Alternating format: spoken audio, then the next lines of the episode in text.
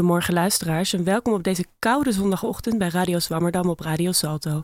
Mijn naam is Lianne Hoijmans en vandaag draait onze uitzending om veranderende arbeidsverhoudingen. Terwijl sommigen van jullie in deze periode misschien een eindejaarsuitkering of dertiende maand ontvangen, zitten niet alle werknemers er zo warmpjes bij in deze koude dagen. De kranten staan bol van verhalen over flexibele contracten, precaire arbeidsomstandigheden en werkende armen.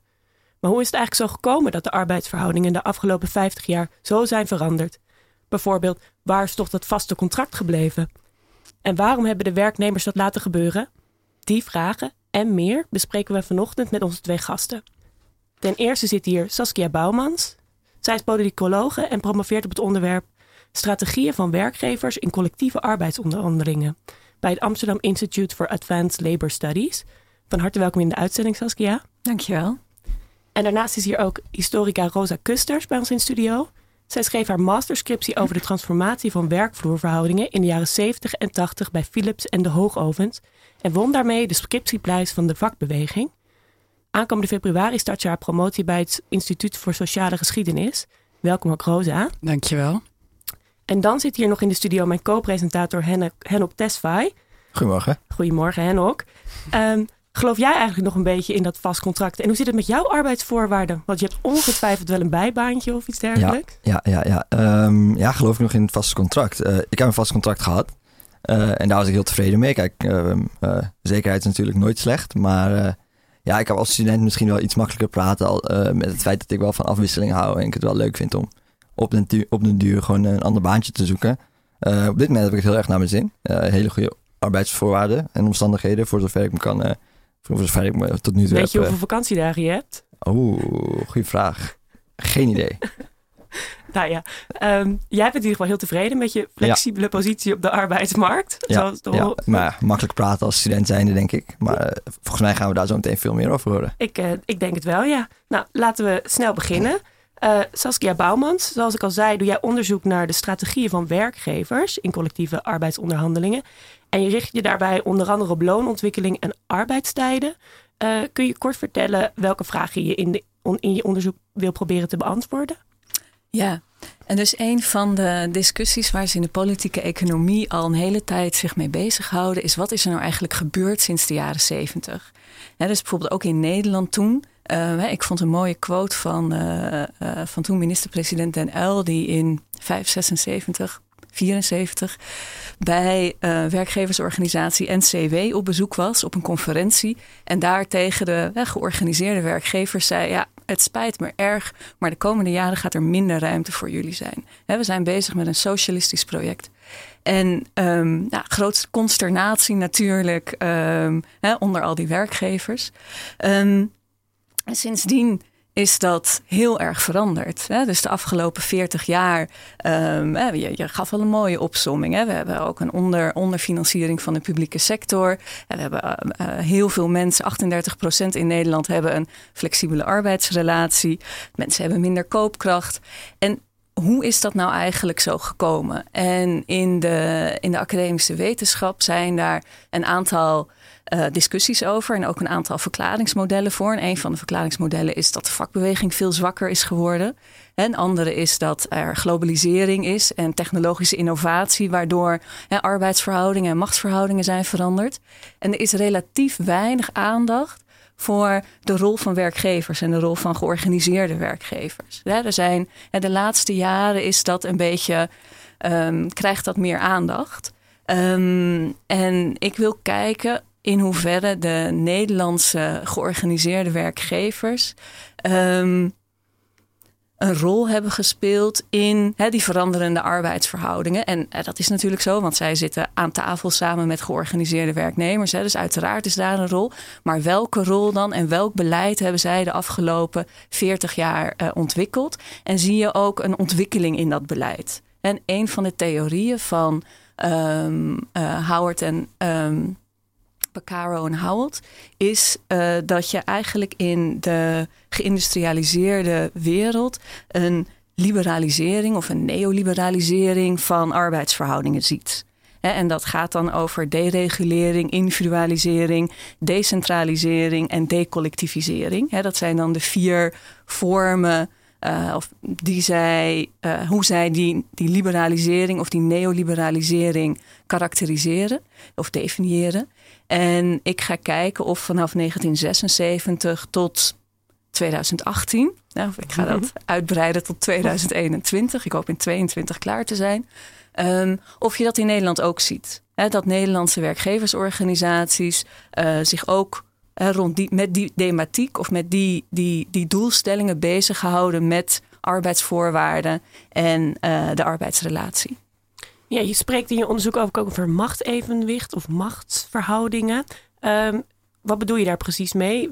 Wie heeft dan op dit moment de macht en hoe was dat dan anders vroeger? Kun je daar al iets over zeggen? Ja, nou, um, over het algemeen wordt gezegd dat uh, de, de machtsverhouding ten, ten voordele van werkgevers is veranderd. en dan, dan, dan heb je uh, kenmerken als dat er nu um, een, van de elke verdiende gulden, elke verdiende euro.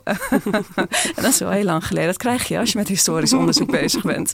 Um, en met elke verdiende euro er meer hè, naar, naar werkgevers gaat, naar kapitaal gaat, hè, naar bedrijven gaat, dan naar loon, hè, naar, uh, naar werkenden dus dat is één, één element. Maar daar zitten, daar zitten nog meer in. Ook binnen uh, arbeidsvoorwaarden. En dat zijn dan de afspraken die gemaakt zijn in cao's. dus onder welke voorwaarden werk je? Heb je recht op pauze? Hoe lang is je pauze? Uh, heb jij um, uh, zeggenspraak en hoeveel zeggenspraak heb je over de tijden dat je werkt? Hoe hoog is je loon? Heb je, uh, krijg je toeslagen als je s'avonds werkt of als je op inconveniënte uren werkt, zoals dat dan heet? Mhm. En dat zijn ook allemaal onderdelen van die, uh, van die veranderende machtsverhouding of manieren om te meten hè, dat er iets veranderd is in die machtsverhouding, waarbij je er dan in eerste instantie van uitgaat hè, dat werkgeversorganisaties zich hè, bezighouden met wat goed is voor het bedrijf. En werknemersorganisaties wat goed is voor werknemers. Maar ook de ideeën over wat goed is voor bedrijven en voor werknemers verandert over de jaren heen. Hè. Dus daarom is het belangrijk om een uh, langdurig en denk ik gedetailleerd onderzoek te doen naar beleidsstandpunten. Hè, om um, heel precies te kunnen kijken wat de ideeënontwikkeling was en wat de beleidsontwikkeling was. En dan uiteindelijk ook hoe dat in cao's terecht is gekomen van beide partijen. Om te kunnen zien of die um, machtsverhouding en inderdaad veranderd is. Wat we met z'n allen wel hè, een beetje mhm. aan, aan onze buik voelen en aan onze portemonnee misschien ook voelen. Um, maar hoe is dat dan precies gegaan? En kun je alvast een, een, een voorbeeld geven van hoe dan zo'n werkgeversorganisatie denkt? Maar wat voor type ideeën kun je daar iets over zeggen? Al? Nou, wat bijvoorbeeld echt heel erg opvallend is, is denk als je hè, aan, een, aan, aan een, mijn moeder of, of, of, vriendinnen van mij vraagt: Goh, wat willen werkgevers? Hè, dan is de kans groot dat ze zeggen: van ja, die willen loonmatiging. Um, en die willen uh, flexibele arbeidsrelaties voor, uh, voor hun zodat het makkelijker is om hun uh, uh, werk te organiseren. En nou, dat klopt inderdaad. Hè. Dus ik heb um, alle arbeidsvoorwaarden, agenda's heet dat dan. Dat is een, een, een beleidsdocument dat zowel vakbonden als werkgeversorganisaties aan het begin van elk CAO-seizoen mm -hmm. uh, opschrijven. Hè. Dus in Nederland zijn er een kleine 700 reguliere CAO's, hè, waarin die arbeidsvoorwaarden worden bepaald voor een kleine 6 miljoen mensen. En zowel werkgevers als werknemers die schrijven aan het begin van dat seizoen op wat zij nou willen realiseren in dat jaar en mhm. waarom. En dat doen ze al decennia en dat is heel prettig, want die ga ik nu dus bekijken, of die heb ik bekeken. Ja. vanaf 76 tot 2018, dus 43 jaar. En um, wat opvalt is dat ze een hele, of een relatieve beperkte en consistente agenda hebben. Dus ze willen al vanaf 1976 tot nu willen ze al uh, lagere lonen, mm uh, loonmatiging. Um, en willen ze een individualisering van arbeidsvoorwaarden. He, dus dat betekent eigenlijk dat als, uh, als wij met z'n vieren in een, in een bedrijf zouden werken. um, en we zouden met z'n vieren onder een CAO vallen. Um, dan in de jaren zeventig was het dan zo dat we waarschijnlijk allemaal om acht uur, half negen, negen uur moesten beginnen met werken en om vijf uur stopten. En, um, de, de, het beleid van werkgevers was erop gericht dat dat, dat flexibeler werd. afhankelijk van de vraag in de productieprocessen. Mhm. dus dat ze dan tegen jou konden zeggen: um, kom, mij, kom maar tussen, tussen 9 en 1 alleen maar. Want dan heb ik veel werk en daarna hoef je niet meer te komen. Dus dat is zo'n zo'n individualisering van arbeidsvoorwaarden, die ook natuurlijk voor werknemers in zekere zin Ehm, voordelen heeft. Ja, want Henok vindt dat misschien wel fijn, want die houdt zo van die flexibiliteit. Ja, ja, als, ik niet alleen, als ik geen avonden alleen kon werken, dan uh, kom ik niet aan de bak als student, zeg maar. Ja. Dus uh, ja. Dus het is dus, is de individualisering van, werk, van, van arbeidsvoorwaarden en van arbeidstijden. dat is een van de elementen waar ze al heel erg lang uh, mee bezig zijn om ehm, te realiseren. En wat je dan eigenlijk ziet gebeuren is dat um, de arbeidsvoorwaarden en de manier waarop de productie wordt georganiseerd. Want daar gaat het over de manier waarop werknemers of werkenden worden ingezet in het productieproces om zo'n bedrijf gewoon goed te laten lopen. Steeds meer op bedrijfsniveau afgestemd moest worden en niet op sectoraal niveau of op landelijk niveau. Ja. Maar we hebben het al een paar keer, heb je het woord vakbond laten vallen. Dus de, de, de werkgeversorganisaties hadden zo'n agenda en die is de afgelopen jaren mooi uitgerold. Of daar lijkt het op. Maar hoe zat het dan met de, met de agenda van de vakbeweging? Wat, wat is daarmee gebeurd? Um, ja, dat ga ik in mijn volgende. en dat wordt mijn tweede artikel. Ik heb ondertussen ook vrijwel alle arbeidsvoorwaardenagenda's van de FNV, de grootste, de grootste eh, vakbond in Nederland, verzameld. En ehm, waar het op lijkt, in ieder geval wat mijn, wat mijn hypothese is, dat is natuurlijk iets anders. Wat mijn mhm. hypothese is, is dat uh, de vakbeweging um, voor een zeker in de jaren negentig heel erg mee is gegaan in die individualisering uh, en die wens van individualisering van arbeidsvoorwaarden um, door werkgevers. En dat dat uh, was geïnspireerd door de behoefte aan, bij werknemers om uh, werk en privé beter te kunnen regelen. dus uh, vanaf de jaren 70 en in de jaren 80 en ook in de jaren 90 is er heel veel beleid geweest om dat er meer vrouwen op de arbeidsmarkt kwamen in het kader van emancipatie uiteraard. Uh, en ook in het kader van arbeidsmarktbeleid. Hè, de, er moesten gewoon meer mensen werken, uh, wilde Nederland en wilde de Europese Unie. Hè, de arbeidsgraad moest omhoog. Um, en dat zorgde voor frictie um, in de organisatie van het gezin. Ja, daar is, hebben we een, wel mooi, een, een mooi fragmentje over. Um, uh, ik zou graag willen luisteren naar een fragment uit de radiodocumentaire Vrouwen van Staal door Gerard Leenders, uitgezonden bij OVT op Radio 1. Het is echt een aanrader, die documentaire. Dus als je dit onderwerp interessant vindt, luister hem vooral. Uh, de documentaire gaat over de eerste vrouwen die aan het werk gingen bij de hoogovens. En we luisteren nu naar een fragment over de vrouwenbeweging.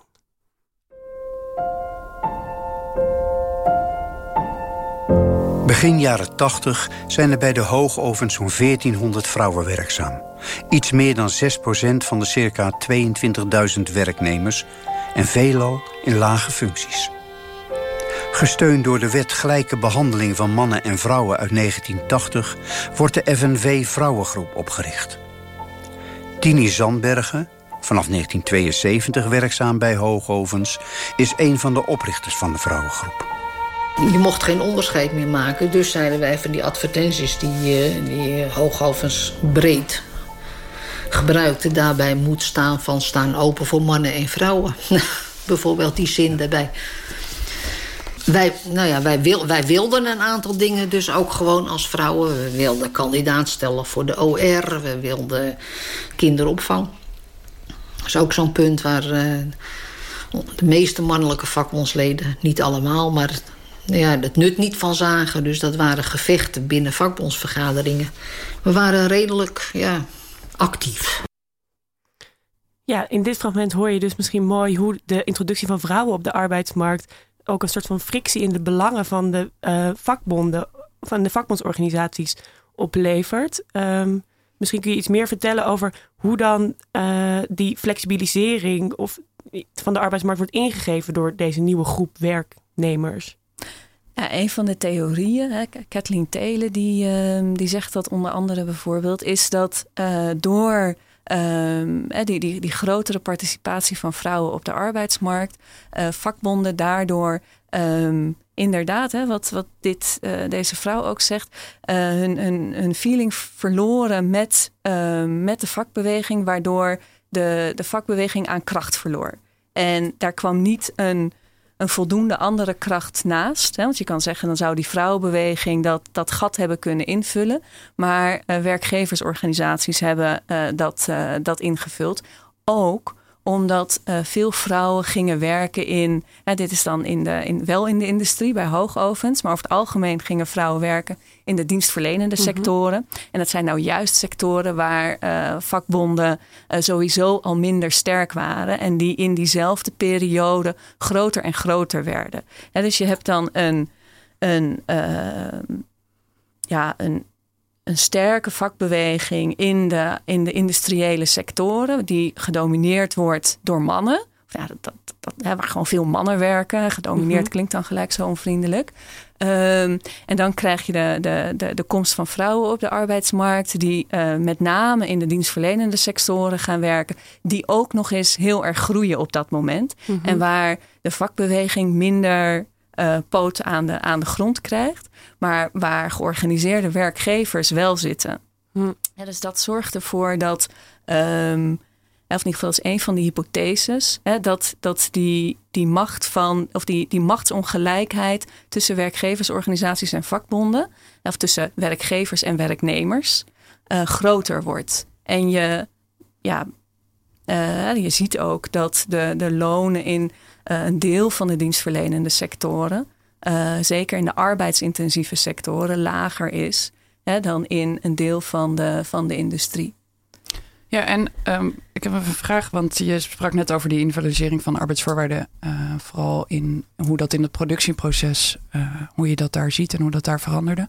Maar tegelijkertijd zien we inderdaad ook heel erg de opkomst van die en die groei van die dienstensector en de vrouwen die werkzaam zijn in de dienstensector. Dus hoe speelt die individualisering daar? Is dat anders dan, dan in de industrie of in de productie? Of is dat op eenzelfde manier? En, of zien de werkgeversorganisaties dat ook anders? Of zit, is de houding die ze daarin innemen ook gelijk? Zit daar geen onderscheid tussen? ik heb tot nu toe alleen nog maar gekeken naar die uh, beleidsnotities. En dat zijn landelijke beleidsnotities. Hè. Dus die zijn in eerste instantie ja, richtinggevend of adviserend uh, voor, uh, voor alle werkgeversorganisaties. Hè. Maar in Nederland heb je een heel, uh, heel breed veld van werkgeversorganisaties, van brancheorganisaties. Dus werkgevers zijn op sectorniveau ook georganiseerd.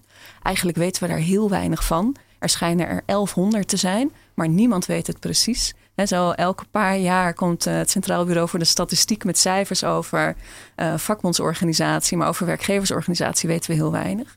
Dus hoe dat in de praktijk verschillend was tussen de dienstensector en de industrie, dat weet ik nu nog niet. Hè. In, over twee jaar ga ik een aantal case studies doen. Ehm, waar, waarin ik ga kijken op welke manier dat beleid heeft vorm ge, gekregen in uh, in cao's gedurende de afgelopen 45 jaar. En dan wil ik ook, gaan, wil ik ook de, de onderhandelingsprocessen eh, gaan volgen gedurende die periode. En dan zal ik daar beter antwoord op kunnen geven. Maar in, in hun landelijk beleid is er geen onderscheid tussen, tussen sectoren. En wat ze vooral willen is um, dat je als eh, dat, eh, dat, dat de discretie van werkgevers, dus de, de, de controle van werkgevers op wanneer jij werkt en onder welke voorwaarden en op welke manier steeds groter wordt. En dat is natuurlijk de kern hè, van, van het conflict tussen werkgevers en werknemers. Hè, waarbij werknemers zeggen: ja, maar ik wil zelf zeggenschap hebben over. Uh, of in ieder geval gedeeltelijk zeggenschap hebben over mijn arbeidstijden. En ik wil uh, een voldoende loon hebben om een, een fatsoenlijk leven te kunnen hebben en daar ook zekerheid over hebben. is het, het beleid van werkgevers geweest. En dat is ook een, een onderdeel van die loonmatiging. dus dat is niet alleen om uh, de kosten laag te houden. dat is natuurlijk prettig als de kosten laag zijn. Maar het is ook op het moment dat je algemene kosten laag zijn, kan jij als werkgever bonussen gaan uitdelen. En dat is ook een vorm van die individualisering. En dat je op die manier mensen beloont die harder werken of die uh, vervelende uren opnemen, maar wel op jouw voorwaarden en niet collectief georganiseerd. Hm, ja. Ik had ook nog een vraagje over. Um, ja, je vertelde net over de invloed zeg maar, van vrouwen in de, in de werken.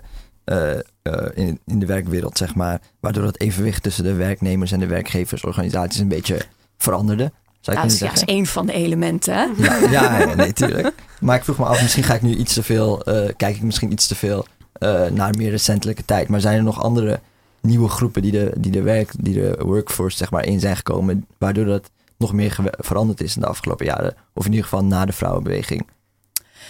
Um, nou, waar Nederland heel erg in, in uitspringt samen met Denemarken, is de hoge participatiegraad van jongeren bijvoorbeeld. Hè? Wat je zelf net ook al aangaf. Jij vindt dat wel lekker. Ja. Hè? Zo, uh, zo flexibel werken.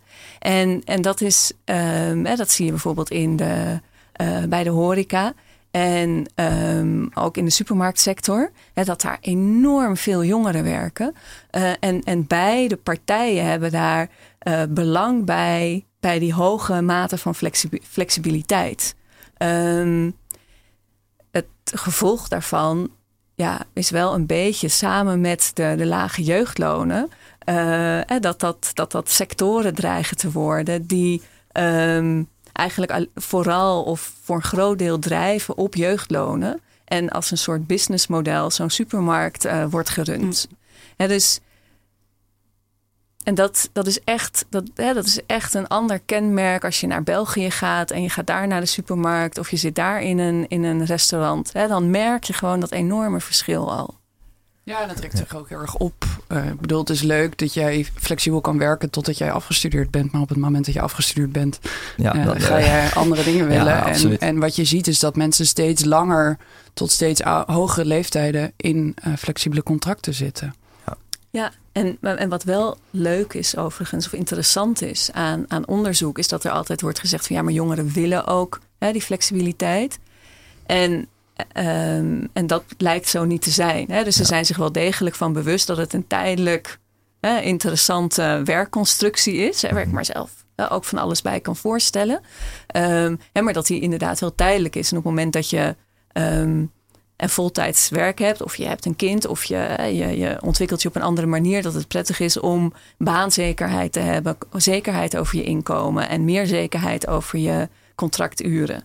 En dat dit mogelijk is, dat heeft ook te maken met de deregulering. Dus dat zien we ook terug in die agenda van werkgeversorganisaties. Dat ze vanaf um, midden jaren zeventig en wellicht al eerder, maar ik kijk vanaf midden jaren zeventig, consequent pleiten voor deregulering. Dus minder regels uh, voor uh, arbeidstijden bijvoorbeeld, uh, maar ook voor bijverdienen. Mm en ook voor de manier waarop loon wordt uitbetaald. Bonussen mochten vroeger niet en nu wel. Ja, dus je ziet ook een soort van rol van de overheid. En we hebben in ons voorgesprek ook even gesproken over dat er een soort bredere maatschappelijke ontwikkeling is sinds de jaren tachtig ongeveer. En voordat we het daarover gaan hebben, wil ik nog even luisteren naar een fragment uh, van uh, Willem Drees, premier van 1948 tot 1958, uh, over zijn zogeheten loonpolitiek overleg met de Stichting van de Arbeid zijn de lonen verhoogd in verband met het gestegen prijsniveau. De laagste lonen het meest. Ook de kinderbijslag is verhoogd en uitgebreid over de eerste twee kinderen. Bovendien heeft tegenwoordig bijna iedere arbeider recht op 12 dagen vakantie gekregen. Nederland heeft nog met vele moeilijkheden te worstelen. Maar gezegd mag worden dat de nieuwe en betere rechtsorde van de arbeid geleidelijk verwezenlijkt wordt. Ja, de nieuwe rechtsorde van de arbeid. Wat is er sinds de jaren tachtig gebeurd met uh, de rol van de overheid in die mooie arbeidsvoorwaarden? Waarom zegt onze president Rutte niet dit soort dingen van dat er meer vakantiedagen krijgen voor iedereen? ja, dat zou wel fijn zijn, hè? Want een van de trends die, uh, die je ziet in cao's is dat het aantal vakantiedagen afneemt. Langzaam, maar het aantal vakantiedagen neemt af. Ehm, nou, wat, er is heel erg veel veranderd. dus, dus Nederland uh, heeft heel erg lang een strak geleide loonpolitiek gehad. dat was hier een, uh, een voorbeeldje van. en dat wil zeggen dat um, de overheid samen met georganiseerde werkgevers en werknemers in gezamenlijkheid bepaalde hoe hoog uh, de jaarlijkse loonsverhoging was. de contractloonontwikkeling. Um, en dat, dat begon op een gegeven moment na uh, zo, zo, toen de, de wederopbouw na de Tweede Wereldoorlog uh, flink, uh, flink, zijn, flink bezig was, begon dat te knellen. de werk, werk, mhm. vakbonden die waren sterk en die wilden, die wilden meer. omdat ook toen al er, Nederland wordt wel gekenmerkt door matigheid. Hè, dus ook toen al die, die loonontwikkeling vrij matig was. Dus de, de vakbonden vonden zich sterk. Die zeiden van nee, wij willen, wij willen meer. En wij kunnen ook meer, we kunnen dat afdwingen. Uh, dus zij begonnen te morrelen aan die, uh, uh, aan die loonpolitiek. Nou, werkgevers her en der die wilden ook meer. Hè, omdat hogere lonen ook een manier is om hè, goed personeel aan te trekken. En je te mhm. kunnen onderscheiden van andere werkgevers. Dus uh, dat is steeds minder geworden. En uh, uiteindelijk in 1987 geloof ik, maar uh, voor, voor feitelijk in 1982 met het akkoord van Wassenaar is ehm, heeft de, de overheid zich helemaal teruggetrokken uit de loonvorming. In de jaren zeventig waren er al eerdere stappen, dus dat is zo vrij geleidelijk mhm. gegaan. Um, maar het akkoord van Wassenaar wordt gezien als het grote kantelpunt daarin. En um, tegelijkertijd is dat ook helemaal niet waar, want de, de overheid heeft sindsdien nog heel regelmatig gezegd: als jullie niet loonmatigen, dan grijpen wij negatief in. Mm dus zo hard is het nou ook weer niet. En dat negatief ingrijpen was altijd op loonmatiging, nooit op eh, verhoging.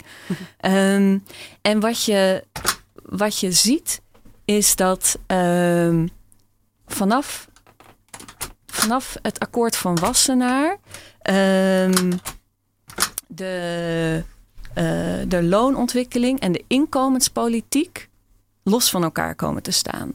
En dat is wel een vorm van, van decentralisering die, ja, die heel nadelig heeft uitgepakt voor werkend Nederland. Ja, dus de overheid uh, bemoeit zich eigenlijk niet meer met de lonen zelf, maar probeert inkomenspolitiek of inkomensbeleid op andere manieren te uh, bewerkstelligen op dit moment. Ja, hè, dus, uh, dus dat gaat dan via, via het belastingstelsel, via het toeslagenstelsel. Hè. Meer dan de helft, of net meer dan de helft van de gezinnen in Nederland heeft een toeslag. Maar ja, dat is gewoon omdat de marktlonen te laag zijn. Mm. En, ehm, en op het moment dat, dat de overheid zich daaruit terugtrok en die, uh, die loononderhandelingen, die loonvorming, in de woorden van de AWVN, um, een van de werkgeversorganisaties, geprivatiseerd werd. Mhm. dus, dus in de privé, dus enkel georganiseerde werkgevers, werknemers was. Met dat de vakbeweging zwakker werd, zie je dat er een grotere kloof ontstaat tussen die macro-economische uh, beleidsvoornemers en mogelijkheden die er zijn en arbeidsvoorwaardenvorming. Ja, nou, dat is op zich een, een, hele negatieve ontwikkeling. Je ziet eigenlijk dat uh, zowel uh, de introductie van nieuwe groepen op de arbeidsmarkt, als de agenda van werkgevers zelf, de positie van de vakbond, maar ook de rol van de overheid, allemaal op elkaar inhaken en op die manier, op een bepaalde manier, de uh, arbeidsvoorwaarden voor algeheel werkend Nederland hebben laten veranderen de afgelopen 50 jaar, als ik het zo kan samenvatten. Um, ja, dus we hebben het vandaag bij Radio Zwammerdam over de veranderende arbeidsverhoudingen. Uh, te gast zijn Saskia Bouwmans, waarmee we het net dus hebben besproken over loonmatigingen, flexibilisering en de rol van werkgevers daarin. Uh, maar we willen het ook graag hebben over het perspectief van de werknemer. Uh, en daarom zoomen we nu iets verder in op wat die veranderende arbeidsverhoudingen nou precies doen met werknemers. Ehm, nou, daarvoor hebben we bij ons te, daarvoor is bij ons de gast Rosa Kusters. Uh, we hebben jou een paar keer gehoord. Je bent historica en winnaar van de scriptieprijs van de vakbeweging. En aankomende februari start je met je vervolgonderzoek bij het Instituut voor Sociale Geschiedenis. En je, doet daar onderzoek, je gaat onderzoek doen naar de gevolgen van transformatie van werk in Nederland voor de werkvloerverhoudingen en de mogelijkheden voor georganiseerde solidariteit. Um, kun je iets meer vertellen over wat je precies, wat de belangrijkste conclusies uit je scriptie zijn en hoe je vervolgonderzoek daarop voortbouwt? Ja, zeker. Ehm, ik denk dat een van de belangrijkste conclusies uit mijn scriptie is dat, uh, dat het debat over veranderende arbeidsverhoudingen in Nederland, naast dat we denk ik heel erg behoefte hebben aan het perspectief van wat werkgeversorganisaties daar nou in uh, betekend hebben, dat we ook heel erg behoefte hebben aan uh, onderzoek wat meer gaat kijken vanuit het perspectief van de werkvloer. Want nou, zoals al een paar keer aan bod gekomen, werk is in Nederland, maar ook wereldwijd de afgelopen 50 jaar echt ingrijpend veranderd. En dat vraagt om een nieuwe houding van zowel werkenden als de vakbeweging. En je ziet dat, dat die daar best wel ook nog wel zoekende in zijn. En dat heeft voor een deel ook tegelijkertijd zien we uh, dat in de discussies die, die hierover gaan, we ook best wel vaak praten over grote, uh, grote macro-structurele uh, processen zoals de globalisering en automatisering en dergelijke. En tegelijkertijd weten we nog heel weinig op over wat die, wat die grote processen uh, nou voor gevolgen hebben gehad voor die onderlinge verhoudingen onder werknemers op de werkvloer. En de mogelijkheden die zij hebben gehad uh, voor, uh, om zich collectief te organiseren. en door vanuit het werkvloerniveau te kijken, kan je dat wel zien. En ga je dus ook veel meer zien hoe die processen op elkaar in, ingrijpen. En hoe, nou, wat Saskia net noemde, Um, hoe die veranderende arbeidsverhoudingen in, in, cao's, wat dat doet met de relaties tussen verschillende groepen werknemers, ook vrouwen uh, en mannen bijvoorbeeld. En uh, nou ja, wat, die, wat, die, wat, de, wat de veranderingen in hoe, hoe de uh, wetgeving over arbeid, wat die veranderingen daarin voor gevolgen hebben gehad. Ja, voordat we het hebben over zeg maar, die veranderende verhoudingen en de effecten daarvan op de werkvloer, wil ik het graag hebben over je methode. je gebruikt dus het perspectief of als uitgangspunt de werkvloer. Um, waarom heb je daarvoor gekozen? Wat, wat, wat, voegt dat toe, zeg maar? Ja, um, het voegt nou, een, een nieuw perspectief toe in de zin dat, dat uh, werknemers dus uh, en hun visies uh, op, op die veranderingen aan bod komen. En, en mijn onderzoek, zeker uit mijn scriptie, is er gebleken dat, um, dat, dat zij veranderingen ook heel duidelijk zien. Bijvoorbeeld de opkomst van, van flexibele arbeidsverhoudingen. in Nederland wordt nog wel eens gezegd dat, er, dat werknemers dat, dat leuk uh, of dat graag wilden of, of dat in eerste instantie uh, misschien niet zagen. En je ziet wel degelijk dat, die, dat dat soort veranderingen heel direct impact hebben op die werkvloer. En ook dus hoe werknemers daar dus vervolgens op reageerden. Dat is een voorbeeld. En wat voor type bronnen gebruik je dan? Hoe weet je wat werk, werknemers voelen of vinden of hebben gevonden? En hebben meegemaakt, ja. Uh, goeie vraag. Uh, verschillende type bronnen. Uh, historici eh, gebruiken vaak archieven. Daar zijn we heel goed in, dat vinden we heel leuk. En op het Internationaal Instituut voor Sociale Geschiedenis hebben wij de archieven van, van de FNV. Die zijn recent is er een nieuw convenant afgesloten waarmee alle archieven van, van de FNV tot nu uh, komen bij ons uh, op het instituut. En worden nu allemaal netjes uh, geordend en voor iedereen toegankelijk en doorzoekbaar gebruik, gemaakt. Dus die, die gebruik ik. daarnaast gebruik ik ook interviews. Het leuke van recente geschiedenis is dat mensen vaak nog leven. Dus dan kan je met mensen in gesprek over, ja. over hun ervaringen en wat zij meegemaakt hebben. En de geschiedenis is ook heel vaak interdisciplinair. Um, dus wat ik ook gebruik is, ook in die tijd en in het verleden, in de jaren 70, 80, 90 jaren 10, 0 zijn uh, ook veel sociologen bezig geweest uh, met, met onderzoeken op de werkvloer, met, met uh, interviews. En die, mm -hmm. die kan je ook weer teruglezen en teruggebruiken en, en daar die in een lange termijn perspectief plaatsen. Ja, nou dat is heel interessant. En een, een wat andere methode dan Saskia gebruikt. Dat is heel leuk. Zo zie je dat over hetzelfde onderwerp toch op hele andere manieren ook met een ander perspectief onderzoek kan worden gedaan. Ja, en um, heb je ook onderzoek gedaan naar dezelfde periode die Saskia ook heeft onderzocht? En zag je daarin vanuit de uh, werkvloer, uh, vanuit het perspectief van de werkvloer eigenlijk, um, dezelfde soort dingen of de directe invloed van de processen die Saskia heeft beschreven? Ja, um, mijn masterscriptie focuste op de jaren 70, of eigenlijk lange jaren 70, dus uh, vanaf 1973 tot 85. Dus daar weet ik nu heel concreet al, uh, heb ik resultaten van en mijn nieuw onderzoek zou gaan over de jaren 70 tot uh, nu. Mhm. Maar dat, daar moet ik dus nog mee beginnen. Dus daar kan ik nog weinig concrete praktijkvoorbeelden over noemen. Maar ik denk zeker, ja, je ziet heel, heel duidelijk bijvoorbeeld de opkomst van flexibele arbeidsverhoudingen bij Hooghovens en Philips. zie je terug op die werkvloer. En je ziet dus ook hoe die de opkomst daarvan bijvoorbeeld gaat wringen of gaat interacteren met de, de opkomst van vrouwen binnen, binnen hoogovens, wat we net al even hoorden. Ja, wat ik wel interessant vond om, om te merken, wat ik op voorhand niet wist toen ik begon met het onderzoek, is dat hè, die werkgeversorganisaties vanaf de jaren tachtig heel erg uh, het bedrijf centraal stellen. Hè, en dus uh, arbeidsvoorwaarden op bedrijfsniveau willen implementeren. En de vakbeweging wilde dat eigenlijk op dat moment ook met bedrijvenwerk. Hè, dus dat, dat is wel interessant dat ze dat ook toen hun focus, volgens mij, als ik dat goed heb, naar, naar het bedrijf ging. En waar ik wel benieuwd naar ben, is um, hoe. Op, waar was dat toevallig dat dat, ja, dat, was dat toevallig dat dat allebei naar het bedrijf ging? En kon, uh, kon de vakbeweging of de bedrijfsorganisatie die je op dat moment had op bedrijfsniveau, hè, dus niet de landelijke vakbonden of de sectoren, maar groepen die actief waren op bedrijfsniveau, dat aan? Konden zij dat uh, inderdaad regelen, die arbeidsvoorwaarden? uh, op bedrijfsniveau? En wilden ze dat ook?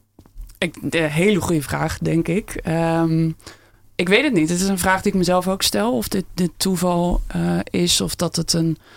Uh, of dat werkgevers dit geïnitieerd hebben en, en de vakbond daar, daarin mee is gegaan. Dat, dat, durf ik eigenlijk niet zo goed te zeggen. Maar wat je wel uh, ziet, het bedrijfwerk waar jij het over hebt, dat is in de jaren 60 geïntroduceerd door de Algemene Nederlandse Metaalbewerkersbond.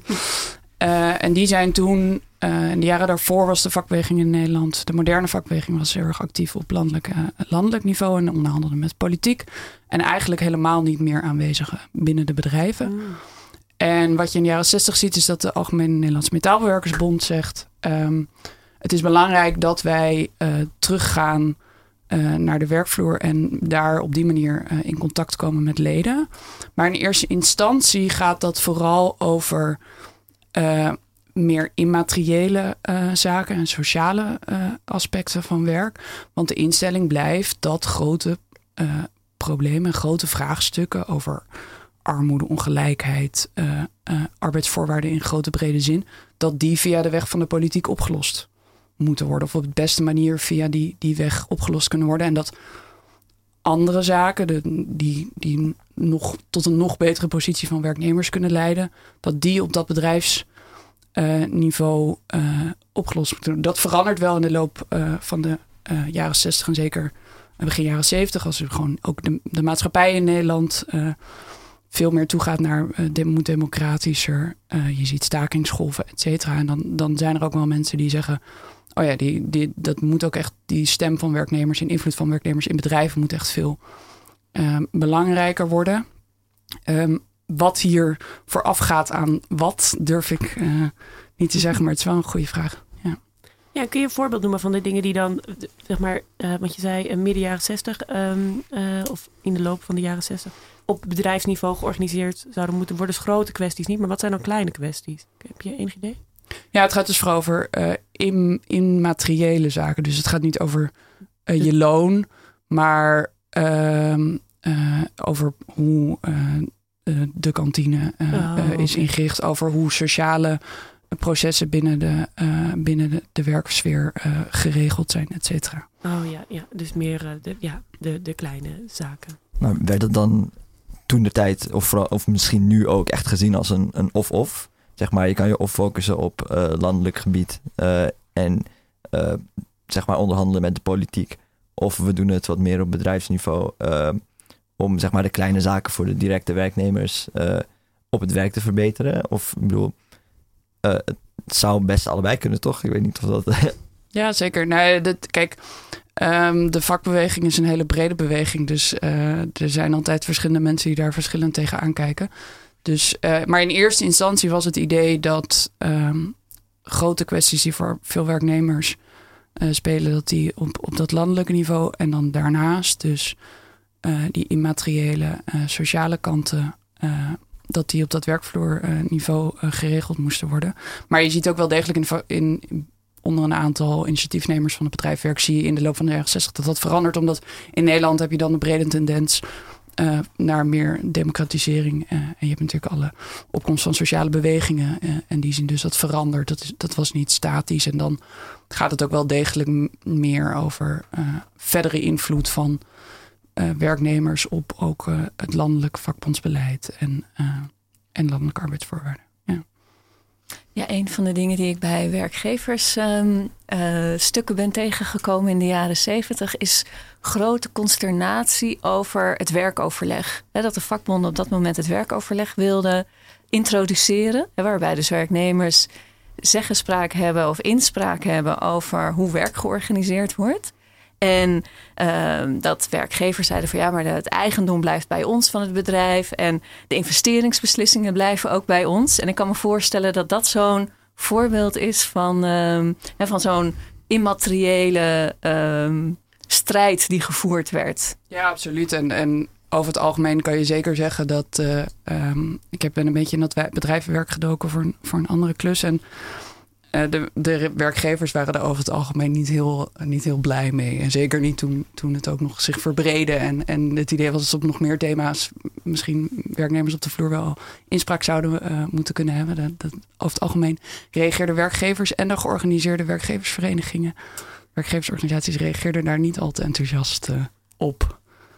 Maar op zich is dat interessant dat er dus meer inspraak is van de werknemers op de werkvloer zelf. Maar dat die werkvloer, zoals we in het begin van de uitzending al hebben gehad, steeds diverser wordt met steeds verschillende groepen.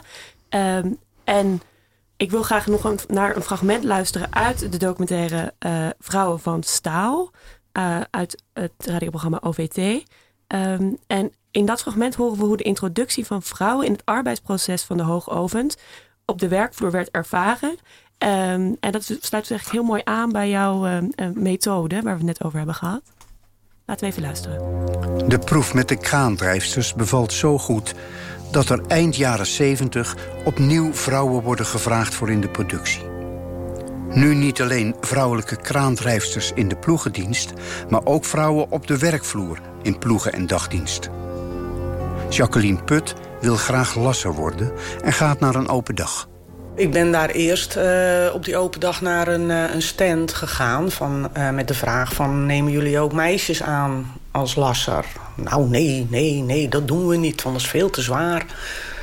En nou, ik denk, weet je wat, neem toch maar zo'n formulier mee. Ingevuld, opgestuurd. Nou, toen werd ik wel uitgenodigd.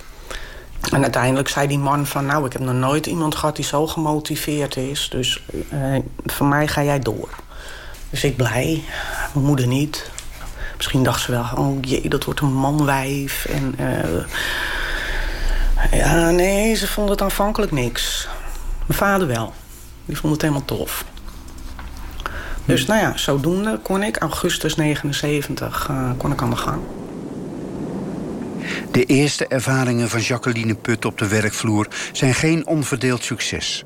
Ze wordt behoorlijk tegengewerkt. Alles in de gaten houden. Uh, op alle slakken zout leggen. En onmogelijke klusjes geven. Bijvoorbeeld moest ik een keer een, uh, een uh, stoomleiding... Um, er zat een gaatje in, moest ik dichtlassen. En dat zat vrij dicht tegen het plafond. En er kwam nog stoom uit. Nou ja, dan krijg je hem niet dicht. Dus dat had ik al gemeld. Ik zeg, de, de stoom moet eraf.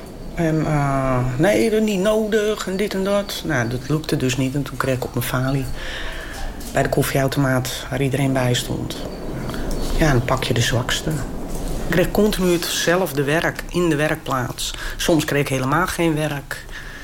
Nou, op een gegeven moment ik klagen. Nou, toen hoorde ik dat het een eh, strafexpeditie was. Mijn toenmalige opzichter die zei van... Oh, uh, het fragment breekt hier af. Maar uh, uh, het gaat dan verder over dat die opzichter uh, deze Jacqueline uh, moedwillig tegenwerkte. En vervolgens in de documentaire hoor je ook nog een heel relaas van, van een uh, werkopzichter die wel heel graag, een leidinggevende die wel heel graag vrouwen wilde, maar waar, waar, dan de werkoverleggen zich tegen verzetten. Um, en Rosa, jij doet ook, gaat ook onderzoek doen naar de mogelijkheid van solidariteit. En ik denk dat dit fragment misschien mooi de spanning aan laat zien tussen hoe die nieuwe groepen op de arbeidsmarkt dan misschien niet meer in staat zijn om samen een vuist te vormen. Kun je daar iets meer over vertellen? Jazeker. Um, ten eerste wat je ziet is... Nou, uh, wat net ook al even kort genoemd wordt, werd in de, werd in de documentaire, is dat het gaat om het percentage vrouwen bij hoogovens. Uh, in, in de jaren 70 gaat het om 6%. Dus de reële dreiging is echt absurd klein als je kijkt naar uh, cijfers. En ze werken ook vaak in, in lage functies. Um, maar die vrouwen gaan zich ondertussen dus ook organiseren onder, onder de vlag van uh, de vrouwenbeweging. Dus die laten ook wel zien dat ze enigszins strijdbaar zijn. Dus daar, daar levert dat uh, frictie op. Maar wat, wat misschien nog wel het interessantste is, is dat je ziet... is dat in diezelfde periode uh, flexibele arbeidsverhoudingen... bij een bedrijf als Hoogovens geïntroduceerd worden. En tegelijkertijd het vaste personeelsbestand in de jaren daarvoor heel erg is ingekrimpt, bewust door de bedrijfsleiding. Um, waardoor de positie van, uh, van de andere lassers uh, op die werkvloer. Uh, waardoor die het idee hadden dat hun, hun positie achteruit ging en verslechterde. En, en er was ook sprake van steeds minder erkenning voor, voor vakmanschap. Omdat we steeds meer waarde zijn gaan hechten aan, aan de opleiding die je vooraf, voordat je aan het werk gaat, hebt. En steeds minder uh, belang hechten aan, aan uh, wat je tijdens je werk uh, leert en aan ervaring opdoet. Ja. En, en, die, dus, en daarnaast heb je dus die ontstaan er grote tekorten, omdat het vaste pers personeelsbestand is ingekrimpt en moeten vaste werknemers veel overwerken. Mm -hmm. En ondertussen zie je dus dat, dat er ook vrouwen op die werkvloer uh, komen. Terwijl die uh, vaste werknemers hun, hun positie uh, achteruit, die, die mannen hun positie achteruit gaan zijn. Dus dat gaat wringen. Ja, en in de eerste helft van de uitzending hebben we het natuurlijk al over gehad dat juist ook de, de, de introductie van vrouwen op de arbeidsmarkt een, een, een soort van een wens tot werk-privé verhouding um, um, naar voren bracht. Dus eigenlijk is het een soort van heen en weer proces waarbij de introductie van vrouwen zowel solidariteit heel moeilijk maken, maar ook, um, uh, ook een soort van inherente wens aan meer flexibiliteit en andere uh, verhouding tussen werk en thuis creëert. Um, ik zou het nu graag nog even willen hebben over hoe hebben, hebben werknemers zich niet verzet tegen deze grotere flexibilisering? En hoe kunnen we zeg maar in het heden waar we nu zitten met onze eh, zonder uitzicht op vaste contracten. Wat kunnen we nu nog doen? Um, dus Rosa, eh, jij hebt, als ik, als ik het goed begrepen heb, ook onderzoek gedaan naar wat werknemers op de werkvloer hebben gedaan in die periode tussen de uh, jaren in de jaren 70 en 80 bij Philips en de Hoogovens. Ja. Kun je daar misschien iets over vertellen? Zeker. Nou, als het gaat om de opkomst van Flex, uh, je ziet dus bij Hoogovens en Philips hier eind jaren 70 de eerste experimenten met, uh, met flexcontracten en tijdelijke uitzendkrachten, outsourcing, dat soort mm -hmm. fenomenen. En daar komt direct reactie op van werknemers. Dus het is helemaal niet zo dat, dat werknemers dat niet zagen gebeuren. en wat me daar heel erg bij opviel is um, dat het dat het dus ten eerste dat het zo direct wordt opgepikt door, door, uh, door die werknemers. En mhm. dat ze daar ook hele nou ja, een manier over praten die zo doet denken aan hoe we tegenwoordig ook, ook praten over, uh, over de gevolgen van flex. En, en hoe dus vaste, als je bijvoorbeeld nu denkt aan de discussies over de zorg en het onderwijs. Um, werknemers bij Hoogover zeiden ja, en we zien dat, um, dat wij met, steeds, met een steeds kleinere vaste groep het moeten doen en moeten overwerken. Terwijl uh, de, de flexibiliteit van buiten gehaald mhm. wordt en, en de gaten worden opgevuld met, met tijdelijke krachten. Um, en, en dus daar komt zeker op dat moment uh, komt daar reactie uh, tegen. En, en, nu zie je dus um, heel mooi hoe ook bijvoorbeeld in het onderwijs, hoe, hoe een, een, club als PO in actie mm-hmm. op nieuwe manieren uh, probeert om, om verzet of om, om verzet te leveren tegen die, die veranderingen. Ja. Ja. En, ja, Saskia, jij noemde het ook al even dat de, de, de positie van de vakbond is afgenomen. En Roze verwijst nu naar een soort van nieuwe manieren van actie. Hoe zie jij dat zeg maar, zich verder ontwikkelen? Heb je daar enig idee over? Um, ja, nou niet vanuit mijn onderzoek. Nee, hè? Want, uh, want werkgeversorganisaties die zijn, uh, denken we, uh, toch, toch redelijk stabiel. Mm. al, al is daar ook natuurlijk wel regelmatig hommeles hè, met het midden- en kleinbedrijf dat dan weer wel lid is en dan weer boos, boos wegloopt en een eigen, een eigen club begint. Um, en wat, wat wel opvallend is, is dat bijvoorbeeld de AWVN, hè, een van de grootste werkgeversorganisaties, uh, op haar ene laatste congres um, heel erg graag wilde dat, um, dat mensen weer opnieuw lid werden van de vakbond. Want de organisatiegraad is nu zo'n 17 procent. Dus dat wil zeggen dat zo'n 17 procent van de beroepsbevolking lid is van een vakbond. Mm -hmm. En de FNV is door de, de symbolische 1 miljoen leden gezakt. Dus daar is echt wel iets aan de hand. En uh, werkgeversorganisaties die roept dan op uh, aan werknemers om lid te worden van, uh, van de vakbeweging. Ja. En kun je speculeren over waarom ze dat zouden doen? Nou, ik denk dat dat een, aantal, een aantal redenen heeft. Um, ten eerste is hun, hun werk natuurlijk. Of ik weet niet of dat ten eerste is, maar één van de dingen is dat hun werk is om uh, te onderhandelen tussen werkgevers en werknemersorganisaties. Mm -hmm. Dus als de andere partijen niet meer is, um, dan is de, de, kans dat je uh, cao's kan afsluiten minder groot, waardoor nou, ook hun bestaansrecht wegvalt. Mm -hmm. um, maar dat is een, een, wat opportunistische gedachte. En ik denk dat er ook een wat um, uh, oprechtere gedachte is, namelijk een oprecht geloof in, in bij een deel van de georganiseerde werkgevers voor het belang van stabiele arbeidsverhoudingen mm -hmm. hè, en, en een, een, een, een min of meer evenwicht hè, tussen werkgevers en werknemersorganisaties. En als één partij steeds zwakker wordt, dan, hè, dan, dan, dan gaat dat wringen aan alle kanten. Dus ik denk dat dat er ook meespeelt. Hè, dat het een, een combinatie is van. Uh, van factoren. En ook omdat, eh, waarom, waarom willen uh, georganiseerde werkgevers graag cao's? Dat zien we nu bij Jumbo bijvoorbeeld hè, die, um, uh, geen, hè, die de vakbond buiten de beur heeft weten te houden. En met uh, de ondernemingsraad mm -hmm. een um, uh, afspraak heeft gemaakt. Hè. Dat is ook zo'n alternatieve vorm van organisatie, mm -hmm. zou je kunnen zeggen.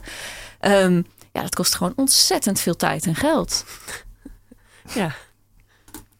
Ja, en ik denk dat Um, dat het wat interessant is wat er nu gebeurt, is wat je bijvoorbeeld uh, ziet bij uh, acties die Deliveroo, een van de denk ik goede voorbeelden van, van de flexibilisering van arbeidsverhoudingen in Nederland. Werknemers daar werkten eerst, waren eerst in dienst van de Deliveroo en zijn nu allemaal ZZP'ers en die zijn zich toen collectief gaan organiseren om daar een verandering aan in te gaan brengen. Doen dat op allerlei nieuwe manieren. Het gebruik maken van nou ja, social media en, en apps en, en dergelijke. En de, en de FNV is daar uh, uh, bij aangesloten. Dus zo zie je ook weer hoe er nieuwe coalities ontstaan en, en creatieve vormen van, van actie voeren. En dus wat dat betreft denk ik dat er wel, dat er wel heel veel gebeurt. En ook zeker de afgelopen 50 jaar wel degelijk gebeurd is. Er is nog eens een klacht je hoort dat er niks, dat werknemers zich helemaal niet verzet hebben. Dat is niet zo.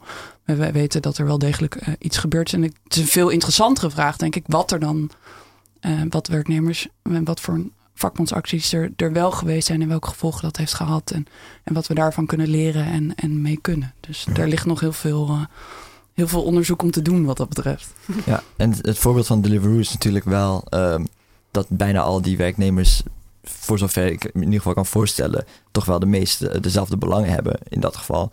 Maar um, ja, dat, de, de, de solidariteitskwestie blijf je dan toch een beetje hebben als je naar een heel groot bedrijf kijkt, waar je misschien zowel flexwerkers, studenten, als misschien mensen die toch een vast contract willen, dat soort dingen hebben werken. Die kunnen niet echt. Um, uh, je kan daarvan niet verwachten dat ze allemaal hun eigen, zeg maar, actiegroepje vormen om voor hun eigen belangen te vechten, als in de flexwerkers samen en de. Maar ja, um, uh, ja, met die solidariteit, solidariteitskwestie blijf je natuurlijk nog steeds de vraag hebben van hoe krijg je dat, dat al die mensen samen uh, uh, ja, een actiegroep gaan vormen of voor, voor hun recht gaan vechten als ze allemaal andere belangen hebben. Ja, en wat ik met mijn onderzoek probeer te doen, is daar eigenlijk ook nog een stap in teruggaan. En dus proberen te begrijpen waarom die dynamiek nou anders. En hoe die dynamiek nou tussen die verschillende groepen werknemers op de werkvloer, hoe die nou precies werkt en waarom dat dus problemen of, of moeilijkheden tot solidariteit oplevert. Maar ook welk, op welke punten ze elkaar mogelijk wel vinden en hebben gevonden in het verleden. En dat is eigenlijk dus een stap vooraf uh, aan die vraag. En, en, daar weten we heel weinig over. Zijn we positief daarover? Kan dat, denk Over de toekomst? Ja. Ik, ik weet niet, zijn jullie positief, Saskia? Nou, de FNV heeft nu die, die Samen voor 14 campagne van het minimumloon. Uh, waar ik zijlijns bij betrokken ben, hè, full disclosure. um, En een van de, van de punten daar is, is een van de, de manieren om actie te voeren, is juist om te proberen zoveel mogelijk mensen, dus bijstandsgerechtigden, gepensioneerden, mensen in lage lonen, arbeidsmigranten, die allemaal hè, op dat punt van wij hebben recht op een hoger inkomen te organiseren. En volgens mij gaat dat baby steps, maar het gaat wel. Nou, dat lijkt me een hele hoopvolle eindnoot. Ik hoor alweer de eindtune en dat betekent dat de uitzending er van, voor vandaag alweer op zit. Vandaag hebben we het gehad over flexibele contracten, de belangen van werkgevers, vrouwen op de arbeidsmarkt, solidariteit tussen werknemers. Kortom, veranderende arbeidsvoorwaarden.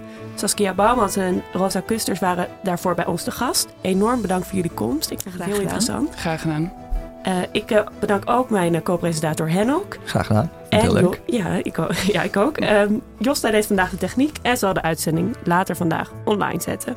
Deze is te vinden op onze website radiozwammerdam.nl en hij komt als podcast op je favoriete podcast-app en op Soundcloud. Reageer op deze uitzending op Facebook, Twitter of stuur ons een mailtje naar redactie.radiozwammerdam.nl. En volgende week is er weer een nieuwe Radio Zwammerdam. En of je vandaag nou nog moet werken of niet, een heel fijne zondag gewenst.